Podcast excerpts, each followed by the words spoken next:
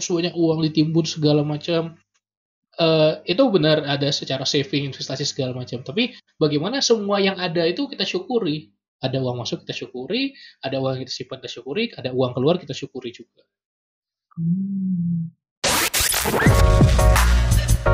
Halo, selamat datang di podcast Cerita Pembelajar. Kamu akan mendengarkan cerita mengenai pengalaman, gagasan, dan pembelajaran.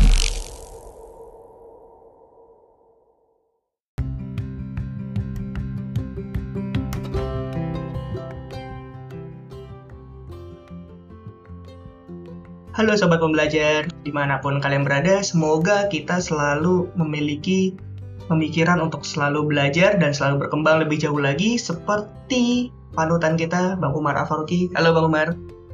Halo, halo Andra. Apa kabar? Gantian gue yang nanya nih.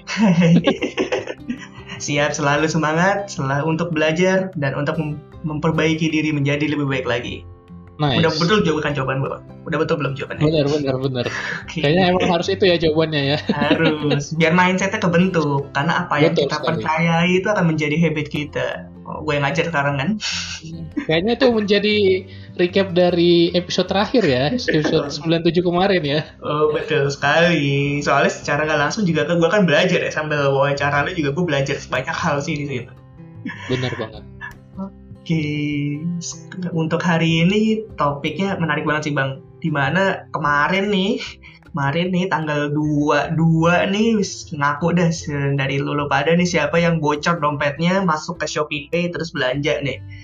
Kayak tiba-tiba pengeluaran gue melonjak secara tidak organik. Pengeluaran gue tiba-tiba daripada normalnya dijebol, selalu jebol kalau di Harmol Mas dan kemudian gue juga okay. termasuk salah satunya gue termasuk salah satunya dan entah kenapa gue merasa hmm, uang gue nggak pernah awet. Gue nggak pernah bisa mengelola uang gue apakah emang karena IQ gue yang goblok jadi kayak gue nggak bisa mengelola uang atau emang ada yang apa ya um, ada yang salah dengan cara gue mengelola uang sih? Kayak kenapa selalu boncos? Kenapa selalu habis di saat yang gue nggak sadar tiba-tiba habis aja. Tiba-tiba hmm. emosional gue tuh sangat terganggu ketika wih ada ada ada harbolnas, ada tanggal kembar, wih ada um, promo gratis ongkir segala macam, tiba-tiba duit gue hilang, tiba-tiba duit gue hilang. Nah itu cara cara supaya nanganin kondisi kayak gini tuh gimana sih bang? Kok kayak udah menjadi habit untuk membelanjakan uang ya di gue? Ya, memang Shopee dan marketplace lainnya sangat jago sekali membuat promo-promo. dua belas dua belas satu satu dua dua tiga tiga dan setiap bulannya selalu ada. Iya. Dan kalau kata Bagaimana ini kita... mobile banking, kalau kata ini tuh mobile banking dan Shopee Pay itu udah combo jahanam untuk dompet kita. Combo jahanam ya. Karena one click away tinggal buka udah bisa ditransfer, easy iya. banget. Tiba-tiba hilang aja hitungan 5 menit. Nah, sebenarnya kita bisa bahas financial management di sini gitu ya. Bagaimana uh, ini sebutannya gini. Bagaimana kita merencanakan keuangan, kita melakukan budgeting, kemudian kita melakukan apa namanya planning budget kita buat belanja berapa segala macam itu bisa kita plan. Oke. Okay. Nah, tapi itu udah banyak yang bahas, coy. Dan gue sering bahas juga itu beberapa kali di Instagram dan ini udah banyak yang bahas. Nah, kita coba melihat dari satu dimensi yang lain. Kita melihat dari satu sudut pandang yang lain. Ya. Jadi ada namanya Ken Honda, dia Zen millionaire dari Jepang dia punya seorang mentor ke Wahid Takeda yang disebut Warren Buffettnya Jepang. Jadi memang jago lah dalam masalah keuangan. Dia penulis banyak buku terkait keuangan ini. Dan okay. dia menyatakan bahwa kita itu tidak cukup hanya belajar IQ keuangan tapi juga EQ keuangan. Ya mungkin hmm. lo yang lagi denger tahu ya IQ itu uh, intelektual kita EQ itu adalah emosional kita. Nah kalau IQ keuangan itu tadi benar. Bagaimana budgeting, bagaimana cara hmm. investasi, bagaimana dana darurat, bagaimana kita ngatur uang dan seterusnya. Itu perlu dipelajari. Tapi coba kita melihat dari EQ keuangan, jadi emosional ya lebih ke EQ emosionalnya. Ketika kita menguasai ini, gue nggak bilang kita nggak akan nggak apa gue nggak bilang kita akan pasti kaya atau kita pasti akan bisa atur uang dengan baik tapi kita tidak merasa apa ya bersalah dengan hal itu. Gini, poinnya adalah ketika kita bisa menerapkan ini, kita akan nggak merasa berdosa gitu. Ketika kita sudah mengeluarkan uang banyak akhirnya kita menyalahkan diri menyalahkan diri. Ya itulah lu bolanya banyak lu gini lu gini. Itu bukan approach yang baik secara spiritual dan emosional kita cara mengelolanya bisa di solve dengan IQ keuangan tapi dengan EQ keuangan kita bisa lebih aware dengan keuangan kita lebih sadar dengan bagaimana kita memandang uang. Hmm, gitu. menarik jadi kalau lu udah udah spend banyak ya nggak masalah gitu udah gitu itu udah udah, lewat itu jangan jangan merasa bersalah sampai hari ini. Nggak nggak nangkep nangkep nangkep. Jadi sem semuanya itu udah, udah lewat ya itu sudah terjadi karena kita memberikan uang dan kita menerima manfaatnya juga dong dari uang itu. Kita belanja kita beli sesuatu yang bermanfaat buat kita juga dong. Oke. Okay. yes. Itu jadi kita harus memandang dengan bukan hanya secara logika bukan hanya secara logis tapi juga secara emosi. Bukan hanya secara rasio tapi juga secara rasa. Ah mantap nih berbahasanya nih. Tapi bener sih soalnya um, gue juga udah pakai budget aplikasi budgeting uang tapi tetap aja tetap aja selalu setiap hari bonus tuh ada penyesalan yang kayak berlangsung selama seminggu sampai dua minggu ngapain gue ngabisin duit di sini ngapain gue ngabisin duit di situ tapi ternyata EQ itu emosional kita tuh penting ya untuk ngatur uh, gimana kita memandang uang tapi untuk kita Betul um, that's um, that's teori ya tapi secara untuk kita implementasinya itu caranya gimana sih? Oke, okay. nice. Ini caranya menarik banget karena yang dia tulis di artikel dan bukunya adalah bagaimana kita bisa memandang uang itu sebagai udara. Jadi oh. kayak kita bernafas, udara masuk, udara keluar, benar kan? Betul. Dan itu selalu gitu kita bagaimana kita bisa mindful, kita bisa penuh sadar bahwa udara masuk ke diri kita dan akhirnya udara keluar dengan dari diri kita juga dan itu terus mengalir aja benar gak udara masuk hmm. udara keluar udara masuk udara keluar. Ya orang-orang meditasi lebih paham lah hal ini. Ketika udara masuk udara keluar bagaimana kita mengisi itu semua dengan blessing dengan uh, keberkahan gitu ya. Kita uh, lebih sadar kita merasa ada manfaatnya ketika udara masuk ke kita dan udara keluar kita juga. Dan kita nggak akan bisa udara masuk terus kita simpan terus dalam diri kita tanpa kita hmm. mengeluarkan uh, udara keluar nggak akan bisa. Pasti ada O2 masuk pasti ada CO2 keluar betul nah sama dengan ini ada suatu teknik yang dipopulerkan oleh si Ken Honda ini yaitu arigato in arigato out. Ya lu tahu nggak apa artinya arigato? Nah, bahasa terima, Jepang. Terima kasih. Itu udah populer sih. Terima kasih. Udah populer ya? Tapi gue nggak nah, ngerti itu. terima kasih in terima kasih out. Apa sih maksudnya arigato in arigato out ini Nah juga gue juga kaget ketika baru belajar konsep yang menarik sekali dan tidak ada orang yang mengajarkan gue hal-hal seperti ini. Jadi gue wah main blown lah dengan apa yang dia lakukan itu. Jadi kita ini akan bisa membuat kita lebih aware dengan cash flow kita juga. Ketika ada uang masuk ke dalam diri kita, sebagaimana tadi udara masuk, maka kita harus berterima kasih berterima kasih sebenarnya memberikan blessing ya memberikan uh, itu kita berdoa supaya uang yang masuk itu berkah juga ke dalam diri kita. Jadi uang yang masuk ke diri kita itu bisa uang yang kita dapatin bisa orang ngasih kita oh, orang ngasih kita uang langsung bisa terhadap proses yang dilalui untuk mendapatkan uang tersebut misalnya usaha kita kerja kita bisa hasil yang kita peroleh dengan uang itu masuk ke dalam kepemilikan kita. Maka ketika itu perlu kita apresiasi, kita bisa menggunakan teknik arigatoin. Jadi setiap ada uang masuk, uang masuk hmm. ini bisa sederhana, gue dapat uang nih, gue dikasih uang jajan, itu gue berterima kasih terhadap itu. Bisa ada uang ditransfer ke rekening gue, itu gue berterima kasih terhadap uang itu. Mau uangnya 10 ribu, 100 ribu, 1 juta, 10 juta, ya kita berterima kasih untuk setiap uang yang masuk. Gitu. Simpel ya kita bisa berterima kasih, bisa bersyukur, bisa kalau yang muslim alhamdulillah gitu. Kita bisa berterima kasih juga ke orangnya.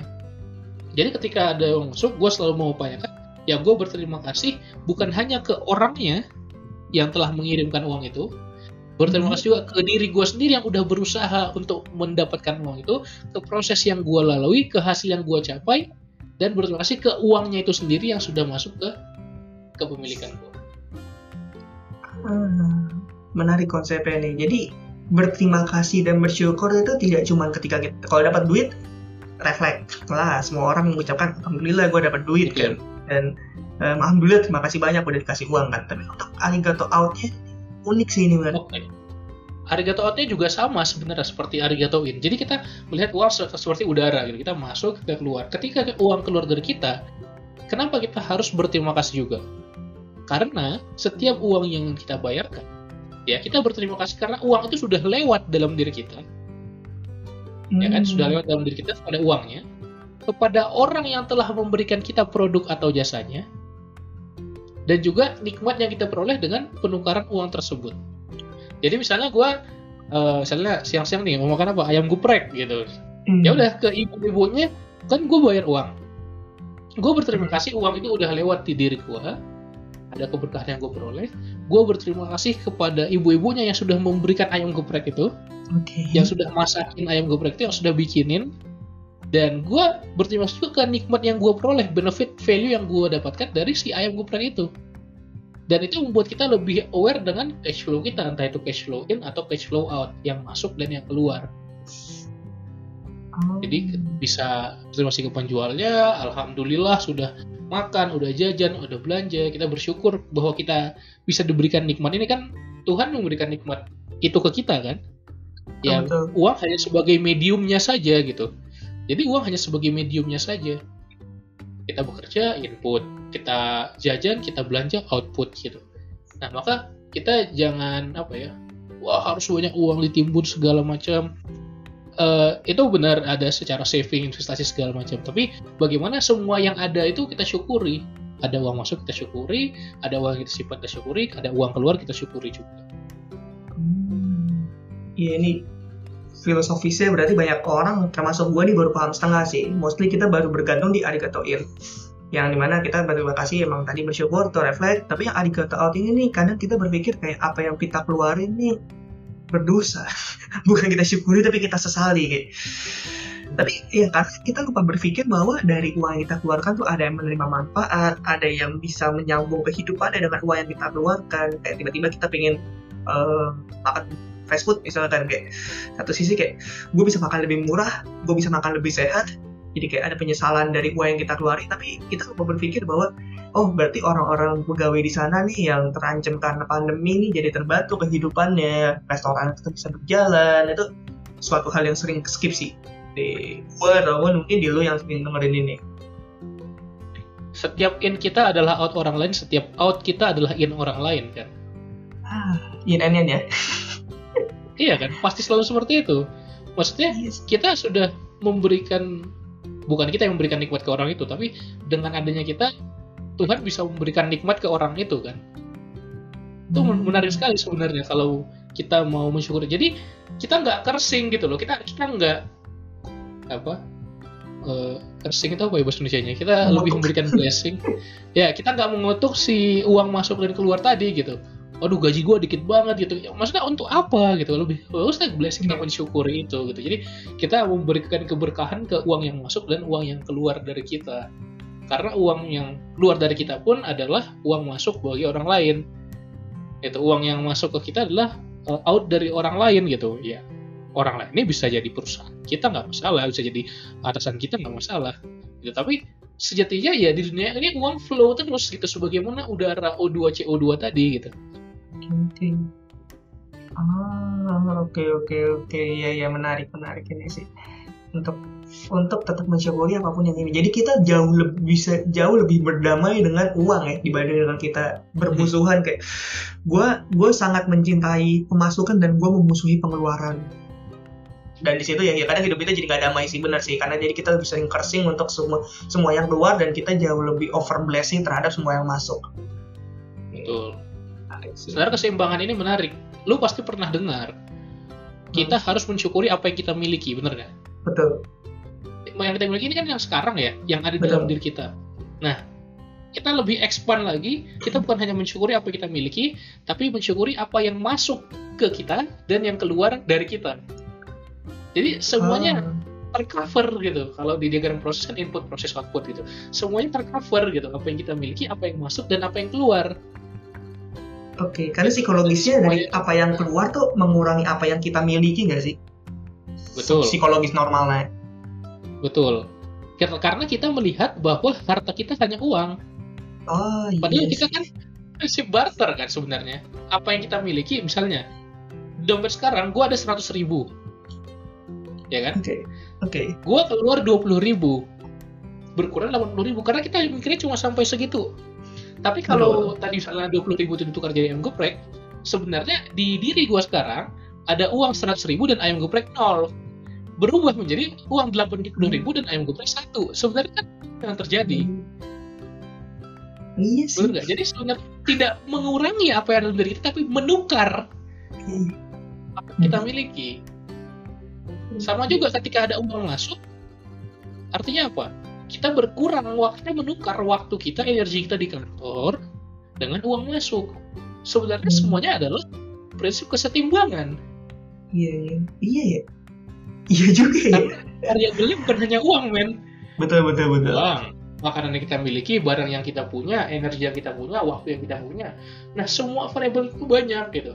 Jadi ketika kita sadar akan hal ini ya, uang hanya medium sebagaimana hal-hal lainnya.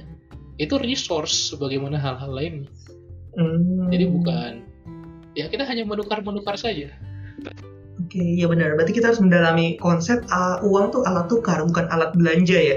Di mana kalau kita menukar lebih ya udah kita dapat lebih, tapi kalau belanja lebih kadang kita merasa apa ya berkurang banyak. Nah, jangan merasa bersalah lah intinya. Iya, Intinya iya, jangan iya. merasa bersalah. Eh, ya syukuri aja semua itu dan kita juga gini loh kalau misalnya kita merasa bersalah setelah jajan kita kayak nggak enjoy gitu kan ketika kita Iya. jajan makan martabak malam-malam. Ketika kita waduh gua udah keluar sekian puluh ribu gitu. Tapi kita bersyukur kita jadi lebih menikmati apa yang kita punya sebagai penukaran dari uang itu. Itu sih makanya kenapa gua main blown dengan ini kan simple ya kenapa gua gak kepikiran ini dari Iya. dulu gitu Gue juga baru kepikiran sekarang. gue tahu bahwa semua harus disyukuri di agama gue dipelajari tapi kenapa harus ada orang lain punya prinsip arigatoin arigato dulu baru gue sadar gitu sih ya bersyukur alhamdulillah itu yang gue udah pelajari dari dulu tapi gue butuh tekniknya dulu dikasih tahu supaya gue benar-benar sadar oh ini ternyata arti di balik Oke. Oke oke, thank you banget ya. Ini thank you telah menyampaikan insight ini nggak berhenti cuma di, di lu doang. Jadi gua dan lu yang dengerin ini bisa dapat manfaatnya juga. Lebih ke daripada ya kalau emang mencari untuk IQ keuangan ya em, itu udah banyak em, banyak banget bisa lu browsing sendiri. Tapi di sini kita coba bahas tentang gimana kita menji gimana jiwa kita berdamai dengan uang. berdamai dengan cash flow dan gimana kita menganut prinsip tadi arigato in arigato out. Berterima kasih terhadap nafas atau uang yang masuk ke kita dan nafas ataupun uang yang keluar dari kita juga. Thank you Bang Umar udah sharing insight ini. Thank you juga arigato in, arigato out. Oke, thank you juga buat sobat pembelajar yang udah mendengarkan ini. Thank you buat lo yang eh, tetap standby di episode kita yang sampai ke 97 ini. Semoga oh sorry udah 98. 98 98. Semoga di sini lu bisa uh, menerapkan jiwa berdamai ini jadi jangan terlalu merasa bersalah. Jadi kita bisa berdamai dengan semua Shopee Pay yang udah kita keluarkan. Kita bisa berdamai dengan semua cash flow yang kita yang kita hianati dan di sini ya tetap syukuri apa pun yang lu dapat dari uang yang lu keluarkan. Untuk lo yang masih, untuk lo yang suka dengan konten-konten singkat seperti ini, konten singkat tapi jauh, tapi maknanya bisa lo terapkan dalam kehidupan lo sehari-hari, bisa follow di Spotify cerita pembelajar, kita akan sediakan konten yang selalu update untuk lo. Dan juga untuk lo yang lebih suka dengan visual konten lo bisa follow di IG Instagram pembelajar produktif thank you yang udah dengerin thank you Bang Umar yang udah menyampaikan. Salam pembelajar. Salam pembelajar